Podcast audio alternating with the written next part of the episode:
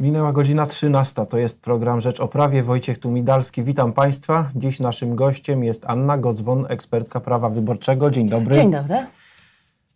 Proszę Pani, no, nadchodzą czasy trudne i ciekawe dla naszych, dla naszych wyborców, ponieważ e, przed nami wybory na podstawie nowych przepisów już w całości. Ale zanim do tego przejdziemy, jeszcze rzecz aktualna. Okazało się dzisiaj, pani marszałek Sejmu Elżbieta Witek, Witek wspomniała, że przerywa posiedzenie Parlamentu Niższej Izby i ma zamiar dokończyć je już po wyborach. Czy to w ogóle jest legalne?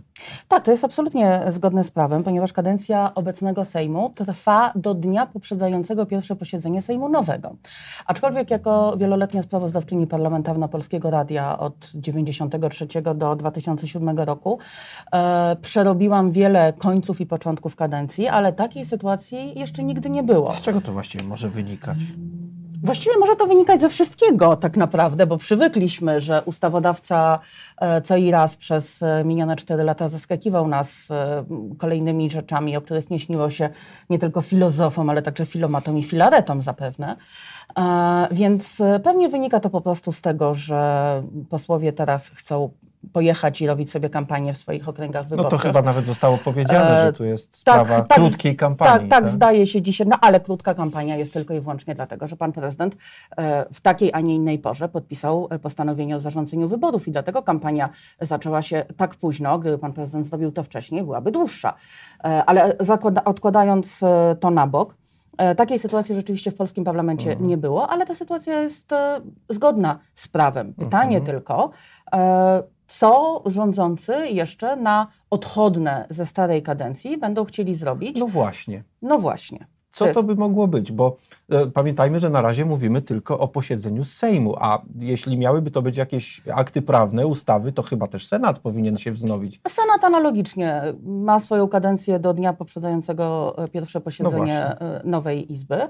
To pierwsze posiedzenie musi się odbyć najpóźniej w ciągu 30 dni od dnia wyborów, czyli... Czyli 13 października i potem 30 dni, tak? I tak i w, wszystko będzie zależało od tego, czy pierwsze posiedzenie y, będzie zarządzone jeszcze przed świętem niepodległości, bo to jest taki, taki newralgiczny moment, tak? Czy mhm. już nowy marszałek Sejmu będzie się pokazywał na święcie niepodległości, czy jeszcze stary. Mhm. To będzie oczywiście decyzja pewnie bardziej polityczna niż, e, niż tylko formalna. Natomiast e, rzeczywiście ten Senat też by się wtedy musiał zebrać. Takiej sytuacji jeszcze nie było, ale nie jedne takie sytuacje, których jeszcze nie było w polskim parlamencie widzieliśmy przez ostatnie cztery lata. Ja nie mam pojęcia co mogą e, rządzący chcieć wrzucić na to mhm. ostatnie przedłużone posiedzenie. My się też w redakcji zastanawiamy, co to może być i na przykład przychodzi nam do głowy, że może są to takie decyzje Sejmu, e, które on może podejmować bez e, udziału Izby Wyższej, czyli na przykład wybór sędziów Trybunału Konstytucyjnego, jeśli jakaś kadencja A, się skończy. Na przykład, bo zdaje się, że w grudniu kończy się no kadencja no kolejnej grupy sędziów. E, więc oczywiście mogą to być takie decyzje, ale mogą to być równie No dobrze... tylko, że jeśli w grudniu, to znowu nie można omijać wyroku Trybunału Konstytucyjnego, który na zapas zabronił wybierać, prawda? Ale to był, zdaje się, poprzedni Trybunał. A, no, czyli... To, to by też mogło nam tłumaczyć. E, myślę, że... E, Przepraszamy bardzo naszych widzów za taki cynizm w tej wypowiedzi, wypowiedzi. No, może Myślę, nie, on nie, nie przystoi programowi Rzecz o Prawie, ale no, widzieliśmy już wiele sytuacji w ostatnich latach. Także razem, kiedy które... się razem po korytarzach sejmowych z panem no, redaktorem, z panem redaktorem e, przechadzaliśmy i tropiliśmy różne rzeczy, no ale takich nie widzieliśmy, prawda? No tak, to, to nas przenosi w zupełnie, w zupełnie nowe miejsca. Dobrze, przejdźmy do kalendarza wyborczego, który przed nami. W którym miejscu tego kalendarza jesteśmy? Pan prezydent zarządził wybory, formalnie rozpoczęła się kampania. Co już musiało zostać dokonane, a co jeszcze przed nami? Za nami jest najważniejszy moment dla komitetów wyborczych i dla kandydatów startujących w tych wyborach. Mianowicie zakończyło się składanie list e, kandydatów do Sejmu i kandydatów do Senatu. E, te listy są na takim właściwie ostatnim już etapie e, sprawdzania w okręgowych komisjach wyborczych, czy sprawdzają się, czy zgadzają się wszystkie wymogi formalne, w tym między innymi, czy zgadza się liczba podpisów. I no czy... właśnie, myśmy niedawno pisali o sytuacji dotyczącej komitetu posła Leroya, który któremu tam zakwestionowano w okręgu tarnowskim, e, w, okręg, w, jednym okręgu zakwestionowano osoby, które, które były w nieodpowiednim wieku, to znaczy nie miały jeszcze ukończonych 21 lat, a były też sytuacje, w których e, do, do, pod, kandydaci nie figurowali pod nazwiskami tymi samymi w bazie PESEL, co na liście kandydatur, bo na przykład, jak rozumiem, pani kandydatka wyszła za mąż i zmieniła nazwisko, tak? A, a, a, a jeszcze tu się posługuje poprzednim. E, to jest ten moment, kiedy to się właśnie dokładnie to jest sprawdza. Ten, to jest tak? ten moment, kiedy to się właśnie dokładnie sprawdza. E, jak mówię, to jest już na ukończeniu, dlatego że komitety wyborcze miały czas do 3 września, żeby e, złożyć te podpisy i listy. Oczywiście to jest bardzo żmudna i skrupulatna praca i już wiemy, że na przykład w przypadku jednego kandydata na senatora w okręgu lubelskim Okręgowa Komisja Wyborcza zakwestionowała znaczną część podpisów, odmawiając mu rejestracji na, jako kandydata. Dlaczego, Kandydat, dlaczego? Co z tymi podpisami?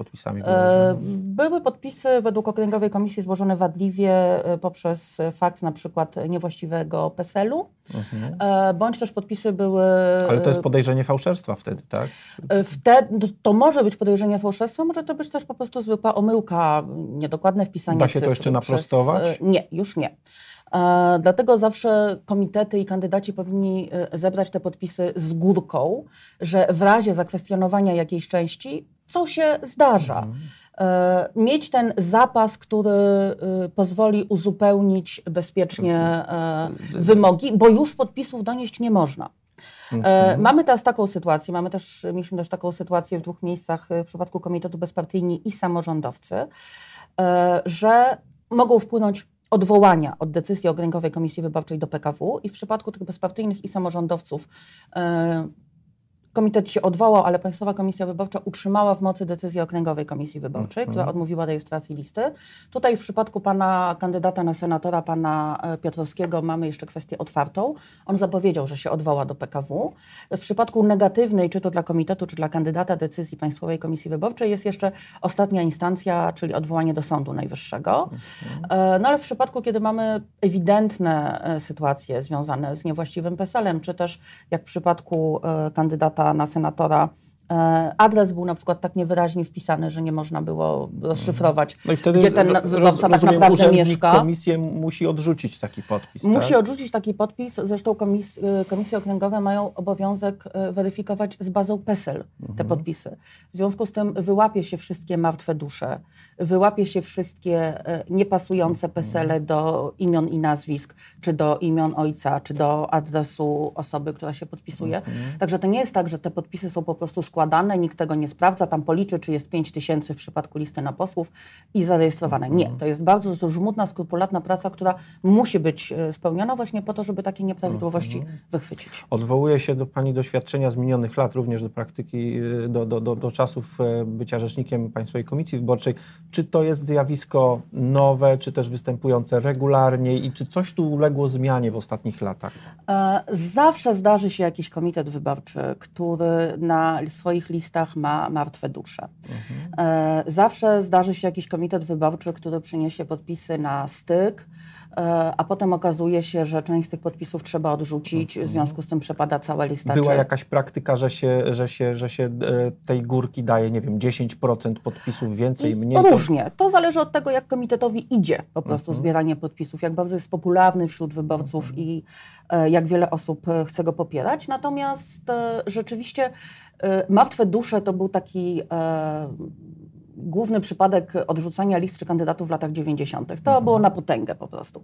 Potem, kiedy te podpisy zaczęto badać jeszcze bardziej skrupulatnie, e, no to zjawisko samo z siebie się wyeliminowało, bo komitety wyborcze Zobaczymy, że, tak się, się, że nie warto, mhm. tak, że tak się po prostu nie uda. Mhm. E, na razie z tego, co czytam i obserwuję na stronach y, okręgowych komisji wyborczych czy stronie PKW, jest to zjawisko marginalne mhm. wyjątkowo i oby tak zostało. To nie o to chodzi w wyborach. Mhm. Przed nami zdaje się jeszcze losowanie numerów list wyborczych, prawda? Tak, tego... jeden kandydat już sobie nawet wylosował. Właśnie do tego nawiązu nawiązuję, że jest kandydat, który już umieścił numer swojej listy. E, no, złośliwcy zaraz zapytali skąd wie, czy może jakieś już coś o tym losowaniu możemy wiedzieć, czy, czy może on użył banerów z poprzedniej kampanii, Właśnie, jak pani no, myśli? Nie mógł użyć na pewno baneru z kampanii do Parlamentu Europejskiego, bo tam e, jego komitet wyborczy miał listę numer, numer listy się 4, nie zgadzał, a nie tak? 2. Mhm. Rzeczywiście nie sięgnęłam aż tak daleko y, do wyborów sprzed y, Czy czterech lat. Ten komitet Czy rzeczywiście miał ten komitet dwa, tak? miał listę numer dwa i ten kandydat na tym miejscu figurował? Myślę, że tutaj się trochę pan pośpieszył i antycypował, bo losowanie powinno odbyć się e, najpóźniej 13 w piątek. No, czyli już po E, wkrótce, Czyli tak? już, e, Mhm. piątek 13 płata nam różne figle, więc może się okazać, że na przykład ten komitet wyborczy wylosuje jednak tę liczbę numer dwa. Ależ to będzie I zaskoczenie. dopiero wtedy będzie zaskoczenie. Rzeczywiście to jest taki moment, który jest e, bardzo widowiskowy. Te szklane kule z Mhm. zapomnianymi już trochę fiolkami, pudełeczkami właściwie po filmach fotograficznych, Ach, no gdzie tak. są numery, z, druga kula to są e, pudełeczka nazwy z komitetów, nazwami tak. komitetów i list i sędziowie z PKW to No, losują. jak Liga Mistrzów. No i to jak tak, to jest napięcie trochę jak Liga Mistrzów. Przychodzą zawsze pełnomocnicy komitetów, e, zawsze dziennikarze od razu pytają o pierwsze komentarze. Ja też wielokrotnie o takie I pytałam. trzeba mieć jakiś bomb gotowy na każdy numer, tak? Dokładnie tak, no bo taka, taki numer no to jest coś, z czym potem wychodzimy do wyborców, wieszamy to na plakatach, mamy to w spotach, Mhm. wbijamy w głowę wyborcy, że nasza lista to jest numer ten i ten. E, Już te numery kandydatów mniej się liczą, ale tak, żeby od razu skojarzyć, że to jest lista na jedynkę, na piątkę, na szóstkę, na czwórkę. A to ma jeszcze jakieś naprawdę znaczenie, że się głosuje na, na, na listę o jakimś numerze? Bo jednak no, wiele komitetów, chyba większość postawiła na oryginalności nazwy, żeby się nie powielać. Chociaż mamy na przykład ko- koalicję obywatelską i koalicję polską. Tu może być rzeczywiście jakaś, e, jakieś nieporozumienia. E, Aczkolwiek e, komitet jest zarejestrowany jako Polskie Stronnictwo Ludowe. A, czyli E, nie, Nie, będzie koalicja, nie jest to komitet koalicyjny. Mamy No jeden komitet koalicyjny tylko e, w tych wyborach, właśnie koalicję obywatelską. E, No mamy też inną koalicję, która nie jest koalicją, bo nie Ale- chciała no być koalicją pod prawo- lewicową koalicją, ale jest sojuszem lewicy demokratycznej, bo miała Mhm. być lewicą, ale nie zdążyła zmienić w sądzie. No Prawo i Sprawiedliwość w zasadzie też jest koalicją, bo To to, to. Zjednoczona Prawica, więc koalicji jest jakby więcej, ale one korzystają z e, Niż- partyjnych i niższego, niższego progu progu. To jest prawda? 3%, które naprawdę robi różnicę.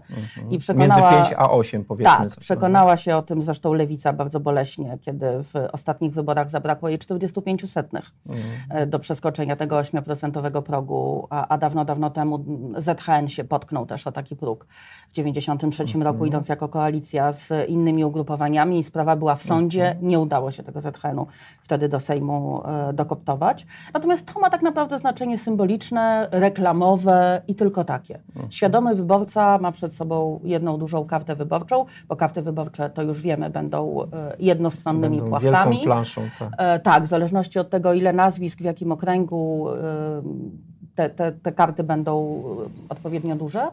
E, I wyborca, świadomy wyborca powinien patrzeć na nazwę, także na logo, bo to jest nowość. Od, A e, właśnie, powiedzmy. Tak, tak, to teraz- od wyborów samorządowych i tej dużej nowelizacji kodeksu wyborczego. Jedna z niewielu dobrych zmian w tym kodeksie to jest taka, że wyborca, który jest wzrokowcem, e, Łatwiej widzi na karcie do głosowania graficzny, znak graficzny swojego komitetu, więc wzrok jego może paść od razu na właściwą kolumnę. No to to jest pomoc i za to powinniśmy być chyba wdzięczni e, ustawodawcy racjonalnego, zwane, e, e, zwanego w ten sposób, no powiedzmy z przyzwyczajenia. Są zdaje się też gorsze strony tej nowelizacji, które by Pani wskazała? Ja chciałam jeszcze powiedzieć o jednej dobrej stronie e, ustawodawcy i warto kodeksu wyborczego. Właśnie, dobrej. bo warto.